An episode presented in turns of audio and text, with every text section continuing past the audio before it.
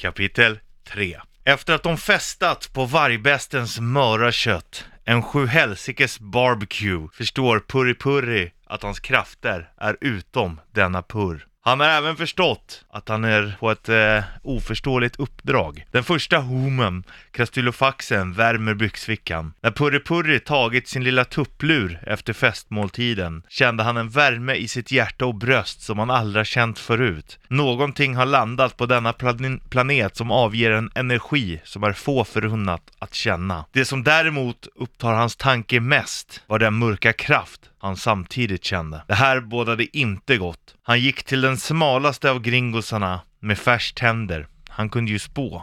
Gringon tog hans hand och tittade honom djupt i ögonen medan han slickade sig runt munnen. Det du känner är verkligt. Följ ditt inre. Du måste hitta det goda. Du måste passa dig för det mörka.